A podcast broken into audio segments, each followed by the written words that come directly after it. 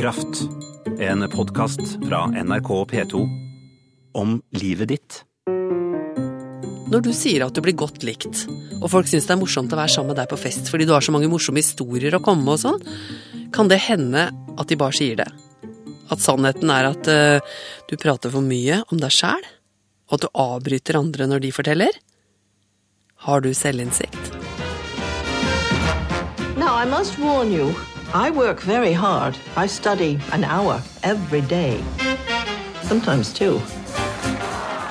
Har du hørt om filmen om Florence Foster Jenkins, hvor Meryl Streep spiller hovedrollen sammen med Hugh Grant? Hør på dette. En helt utrolig historie om fullstendig mangel på selvinnsikt. Florence Foster Jenkins var født som Nasina Florence Foster inn i et eh, velbemidlet hjem i Pennsylvania i 1868. Hun viste veldig tidlig at hun hadde stort talent for musikk. Dette forteller musikkjournalist i P2 Torunn Torbo. Så hun var regna som en barnestjerne. Reiste rundt og spilte. Hun spilte til og med for presidenten, som på den tiden het Rutherford B. Hayes. Så hun var i Hvitehuset og spilte piano for han. Og hun var altså flink? Ja, hun var kjempeflink. Veldig talentfull. Og hun ville forfølge en karriere innenfor musikk, men faren hennes sa nei. Han var høyesterettsdommer, og han sa du får ikke et rødt øre av meg hvis du forfølger den karrieren din. Ikke et rødt øre. Han truet med å gjøre henne arveløs. Så hun rømte med doktor Frank Thornton Jenkins, som da var 16 år eldre enn henne, og gifta seg med han. Og uh, forfulgte en eh, karriere innenfor musikk. Og ble rett og slett veldig fattig etter hvert. Men hun fulgte vel den store kjærligheten da. Men det var jo ikke det. Fordi at eh, de skilte seg ganske nær, ganske raskt etter at dette skjedde. Hun var bare tenåring da de gifta seg, og det gikk ganske fort, rett i bøtta. Og ikke bare det, men hun fikk syfilis på toppen av det hele. Syfilis? Åh. De separerte seg ganske fort, men de skilte seg ikke. For eh, hun fortsatte å være gift med ham i tittelen, fordi at det ville være litt skandaløst om hun eh, fikk en skilsmisse. Så da han døde i 1916, så tok hun tittelen enke. Da var hun enkefru Jenkins. Så hun ble altså enkefru Jenkins i en veldig ung alder. Kastet ut av faren sin og uten særlig mye penger. Eh, men hun bodde aleine i New York i 1909, da hun møtte skuespiller St. Clair Bayfield. I think Madame Florence might need more lessons. Please, my wife is ill. Singing is her dream, and I'm going to give it to her. Og han var um, muligens litt sånn lykkejegerprega. Han var fattig, kjekk og hadde ikke helt slått igjennom som skuespiller. Men uh, disse to på en måte fant en slags tone, og det var vel ekte kjærlighet veldig lenge, i hvert fall. Selv om, eh, selv om det, dette ekteskapet som ble etter hvert mellom de to, det ble ikke konsumert, som det heter. De hadde aldri noen intim omgang, og det hadde vel kanskje vel så mye med å gjøre at hun hadde syfilis. Det var mange ting der, antageligvis. Både det og at uh, han antageligvis ikke var så veldig tiltrukket av henne sånn rent fysisk. Men det var et slags sånt fornuftsekteskap, kan du si. Og de hadde klengenavn for hverandre. Han kalte henne for Bunny, og hun kalte ham for Whitey. Og det er en så utrolig sånn eh, hjertevarm eh, person. Du, du, får liksom veldig godhet for henne jo mer du leser om denne her eh, dama. Som, hadde, som var helt sånn velsignet fri for selvinnsikt. Really? Yes, Little Miss Foster, they called me. I had very high hopes of becoming a concert pianist. But then when the nerves were damaged in my left hand, that was not to be. Her condition is improving. What is her secret? Music. She lives for music. That was Florence Foster Jenkins. How did she get on the radio? I lost my left leg at Guadalcanal, but that dame's got me happy to be alive. The lady is a lesson in courage, and we love her. Men altså i 1944, da var hun 76 år gammel, så, så slo hun til. Altså, han, faren hennes døde jo etter hvert, sånn at hun arvet jo masse penger. Så hun ble bemidlet igjen. Hun fikk masse penger. I 1944 så leide hun hele Carnegie Hall. Og det var mange som prøvde å liksom få henne til å ikke gjøre det. I just think this might be too much for you. This is my favorite place, and I'm going to sing here. I cannot play Carnegie Hall with Madame Florence. We'll be murdered out there. Fordi at uh, de visste jo hvordan altså Hun holdt jo masse konserter, og folk var veldig entusiastiske. Men de hadde også noen sånne koder som de hadde innarbeida. F.eks. at uh, når de syntes at latterkrampa tok dem for mye, når det ble for vanvittig det de hørte fra scenen, så hadde de en sånn kode på at de begynte å hoste eller applaudere ekstra høyt, sånn at de kunne bare bruke det til å le og få det ut, på en måte. Oh, God. She must never see this. I'd like every copy of the post that you have. I just think this Og han Sinclair han var eh, på en måte ganske påpasselig med å få henne til å ikke for, Eller for å verne henne mot alt dette her. She has done more for the musical life of this city than anyone, and that includes you. 3,000 people. They need joy. They need music. But I'm afraid. Madam Florence, you must go on. This is what we live for, isn't it? This moment. It's going very, very, very well.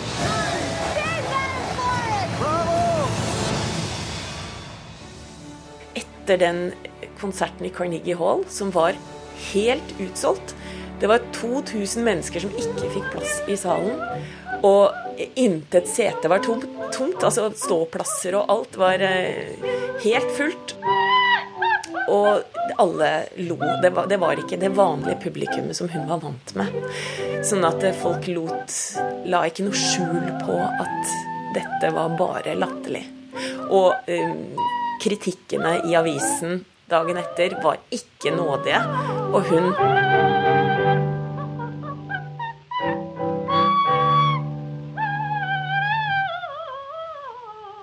skjønte det.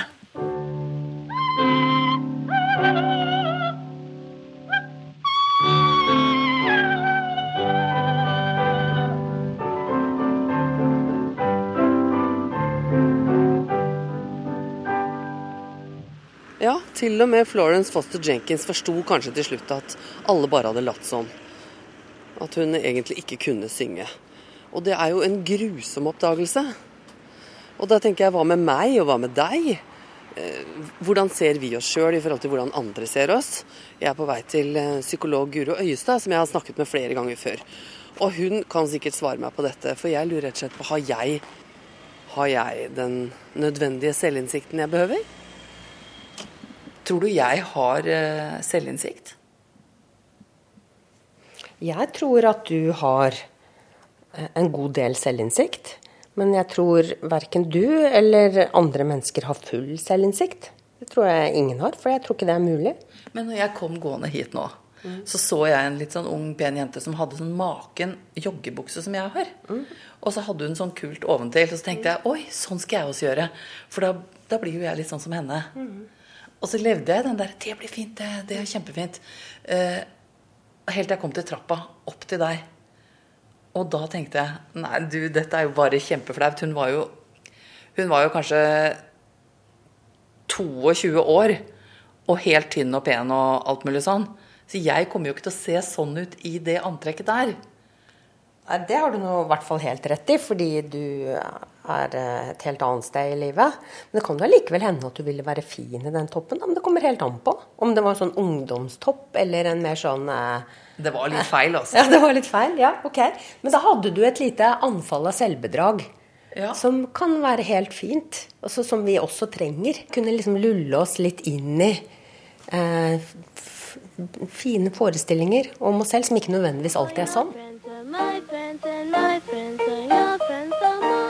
Altså På YouTube så finner du jo alt mulig rart over hele verden av folk som, som gjerne vil være berømte, og som kanskje ikke nødvendigvis har den selvinnsikten som eh, Og, og du, du, har ingen filtre, fordi at eh, vanligvis så, så, blir du jo korrigert når du opptrer for folk. Så vil du jo få en tilbakemelding, men det får du ikke på YouTube. Der kan du legge ut hva som helst.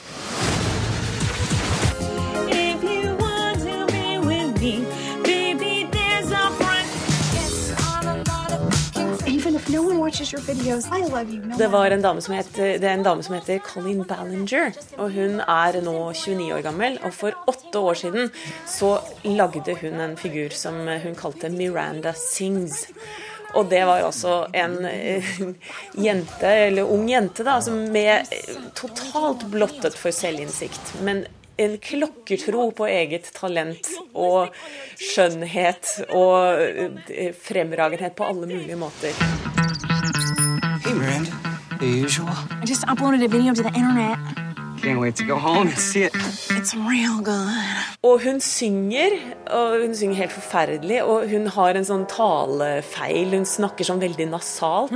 Og så har hun alltid Hun bommer alltid litt med leppestiften sin, så hun har alltid leppestift litt over leppa. Og så har hun en fantastisk eh, ansiktsmimikk, og dette er altså bare spill. Det er en parodi, men det visste ikke folk til å begynne med. Og når du ser på de første videoene, så ser de egentlig ganske tilforlatelige ut. Men det blir bare verre og verre utover. Og eh, på et eller annet tidspunkt så skjønte jeg at dette var bare tull. I'm in California dreaming about how we used to be. Hun har fått veldig mange følgere. Altså Det er 4,5 million drøyt det som, som abonnerer på hennes YouTube-kanal.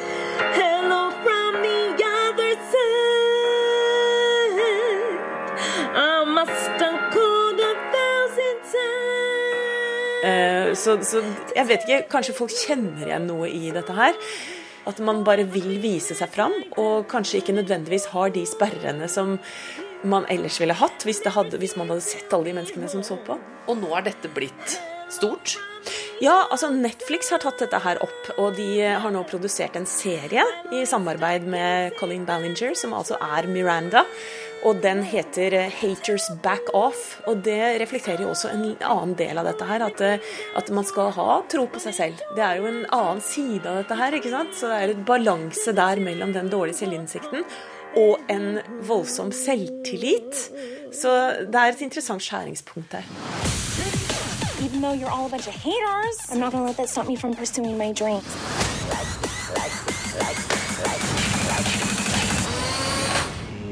That's how the models do it.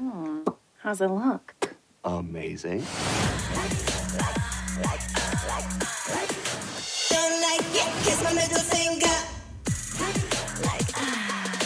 Jeg, jeg, jeg tenker at en, for å ha en OK følelse av oss selv, så trenger vi en dash med selvbedrag.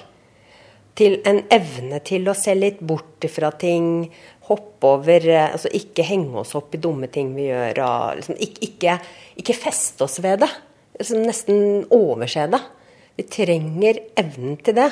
Men vi trenger at den er balansert med også evnen til å se oss selv i hvitøyet og liksom jobbe litt med å ha, og, og skaffe oss kanskje gjennom livet stadig større innsikt i hvordan vi framstår og virker inn på andre, og hva som er styrker og hva som er svakheter. Og, og slå oss også til ro med, med de skavankene, feilene, tilkortkommenhetene som vi faktisk har. Så være litt sånn slurvete med evalueringen, for å si det sånn? Ja, litt slurvete, men ikke for slurvete. Men nesten alltid menneskelivet dreier seg om balanse. Men hvis jeg f.eks. har et følelse av at jeg har en vakker stemme, og jeg snakker veldig rolig og bedagelig, og, og folk liker å være sammen med meg, for det er en myk stemme, osv. Og, så og så kanskje egentlig så sitter jeg sånn og halvroper litt. Snakker litt høyt. Og folk føler at liksom jeg er litt pågående, eller Hvorfor har ikke jeg noe inn... Hvorfor skjønner jeg ikke det at jeg oppfører meg annerledes enn det jeg inni meg tror? Vi blir jo skrudd sammen gjennom oppveksten, gjennom alle de erfaringene, alle de tusen millioner små og store erfaringene vi har gjennom oppveksten, som, som til sammen legger seg i det vi på fagspråket kaller for proseduralhukommelsen. Altså den, den store delen av hukommelsen som er alle vanene du har måttet lære deg og blitt lært gjennom oppveksten som, som legger seg som automatiserte vaner i deg. Som, som pros, livsprosedyrene dine. Så hukommelse er ikke bare det at vi husker ting? Nei, hukommelse er også det at vi husker episoder.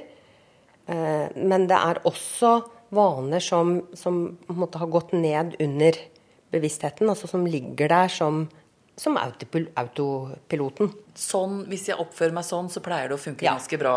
Så la oss si da at du vokste opp i en stor søskenflokk hvor du, du var minst, kanskje, og du måtte rope for å bli hørt.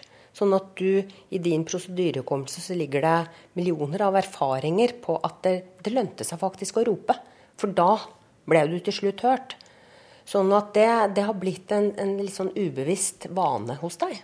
Og så tror jeg det er helt vanlig. Så, så tror du at du ikke gjør det. Du veit ikke helt at du gjør det. Eh, fordi du er opptatt av å være vennlig og grei og lyttende og det, det, kan ligge i historien din at det er da det har funka for deg. Vi har jo ikke kontakt med dette her. Altså Nå behøver jeg ikke skrike, for nå er alle disse andre søsknene mine Mm, alle andre steder. Men det er blitt en vane. Ja.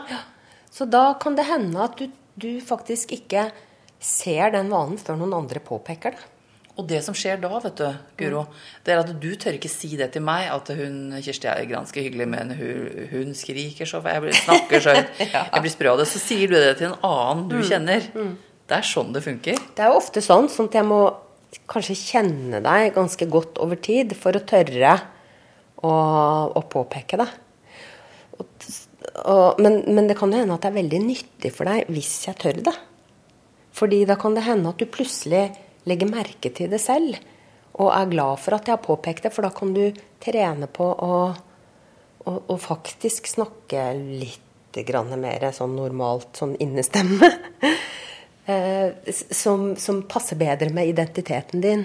Sånn som du Men guri, så flaut når du sier det, da. Det kan være det, men det kommer an på hvordan jeg sier det. Og, hva, og hvor bærekraftig relasjonen vår er. Ja, hvor, hvordan ville du sagt det der? Ja, da må jeg improvisere her. Da, da ville jeg kanskje da, vil, da vil jeg ville sagt det i en stund hvor jeg kjente at vi hadde god kontakt.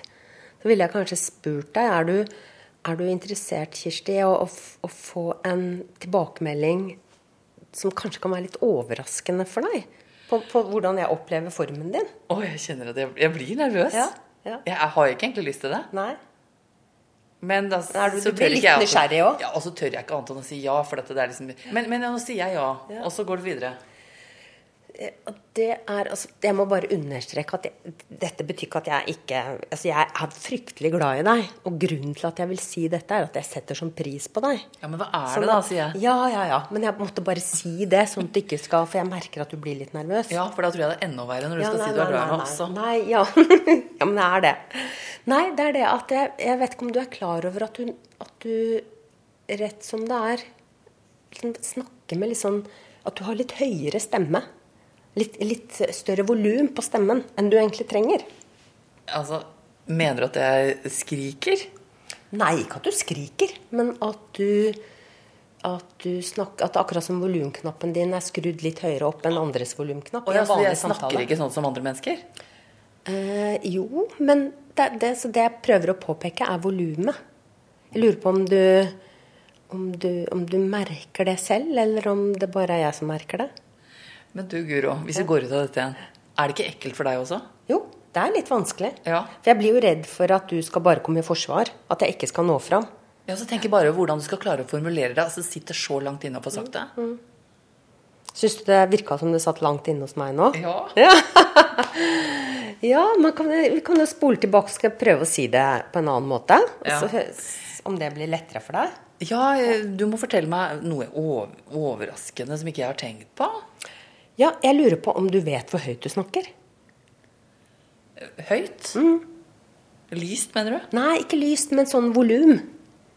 At jeg snakker for høyt? Ja, du, ja, du noen ganger snakker høyere enn du egentlig trenger. Sånn at det, Jeg kjenner nå hva som skjer med meg nå. Altså, Ja. Det er hun liker meg ikke, hun liker meg ikke, hun liker meg ikke. Ja. Men du, hvis vi bryter dette her nå Jeg, jeg skjønner, jeg snakker for høyt og alt det der. ikke sant? Vanskelig for deg å si det, vanskelig for meg å motta det, men veldig viktig å gjøre det. Altså, vi kan godt være med på andre selvbedrag også. Sånn at eh, vi må, må, må velge ut hva det er vi skal si fra om. Men hvis det er noe som virkelig er forstyrrende, sånn som at jeg Hvis det var sånn da, at vi var venninner, og jeg ofte kjente at jeg ble sliten eller irritert over at du snakka så høyt, så kan det hende at det er lurt for relasjonen vår at jeg sier ifra. Men jeg tenker også, la meg si vi sitter på en kafé da, og vi jobber jo på forskjellige steder, men vi er Mm. venninner, og så forteller jeg da om hvor fortreffelig jeg får det til på jobben min, og hvor flink jeg er, og, og alt jeg, ikke sant? Jeg er bare helt, øh, jeg får så mye skryt og masse greier. Og så har du kanskje en mistanke om, for vi har gått på skolen sammen, så du har mistanke om at ja, ja, hun er jo høyst alminnelig, vil jeg si. Og jeg tror ikke at dette kommer til å, kan stemme helt. Skal du også da la, la meg være liksom i fred med mine litt oppblåste tanker? Ja, ja, altså ut fra det du skildrer der, så ville jeg jo tenkt, heller tenkt at ja, men så ålreit da, Kirsti eh, har det så bra på jobb og får til så mye. Det er jo kjempespennende. Ja, Så bare se bort fra det. Ja, altså da, det kan jo like gjerne være jeg som tar eh, feil der. Det, jeg sitter jo ikke på noe sannhet om deg fordi om jeg kjente deg på skolen og ikke syns du utmerka deg så veldig der. Så kan det jo fort hende at du blomstrer på jobben du er nå. Da, vil, da er det bedre at jeg er litt nysgjerrig på det. Men du, skal vi egentlig forutsette alle sammen at vi ikke har fullstendig selvinnsikt? Vi kan godt forutsette at fullstendig selvinnsikt er klin umulig. Fordi sånn er vi skrudd sammen, vi mennesker. At vi f.eks. Er, er sånn at vi når vi mener noe, og om det er om oss selv eller andre, så, så, så leter vi etter bekreftelser på det vi mener. Og så finner vi gjerne det. For det er jo nesten alltid mulig å finne det man leter etter, og så overser vi andre ting. Så vi har litt sånn biased um, leting etter bekreftelser. Det er som å gå på en stor blomstereng, og så leter vi bare til blåklokker, liksom. Ja, da ser vi blåklokkene. Ja. Selv om det kanskje er mest løvetann der. Men de blåklokkene, det kan være både at eh, ja, jeg er jo et veldig dårlig menneske på mange måter. Eller det kan være sånn Der ser du, jeg er jo bedre enn alle andre. Ja, man kan være så overdreven selvkritisk, og det er faktisk ganske utbredt. Å være så overdreven selvkritisk at man rett og slett ikke har innsikt selv i hvor ålreit andre syns at vi er. Så kanskje tror du at du er dønn kjedelig, og så syns andre at du er kjempesøt og spennende. Eller man kan ha litt sånn grandiose forestillinger om seg selv at herregud, alle vil jo tilbringe mest mulig tid med meg.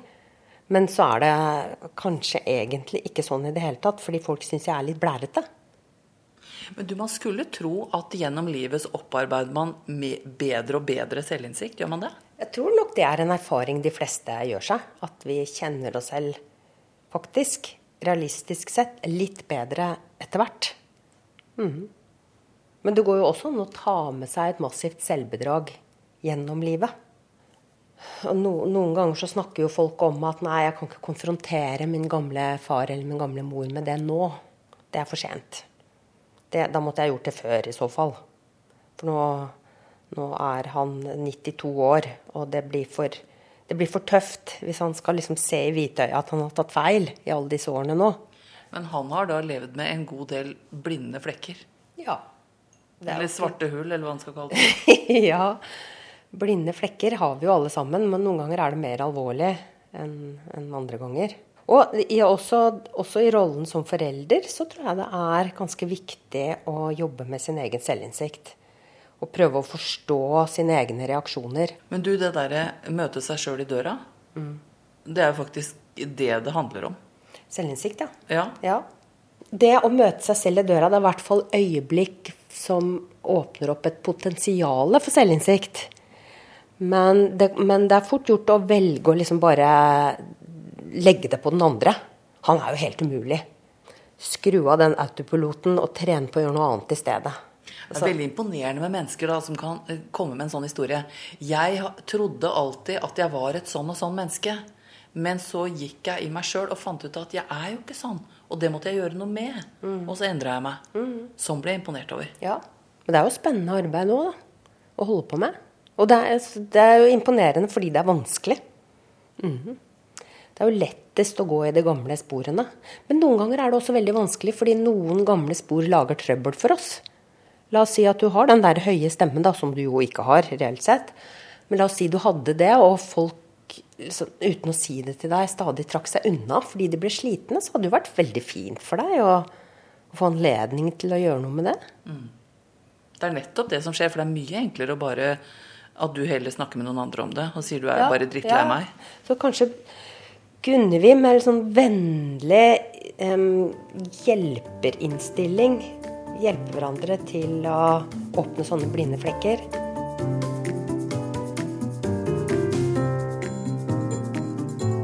Jeg heter eh, Kjersti Kraft. Skriv til meg hvis du har lyst til det. Adressen er eh, kraft. Krøllalfa. nrk.no. Du har hørt Kraft, en podkast om livet ditt fra NRK P2.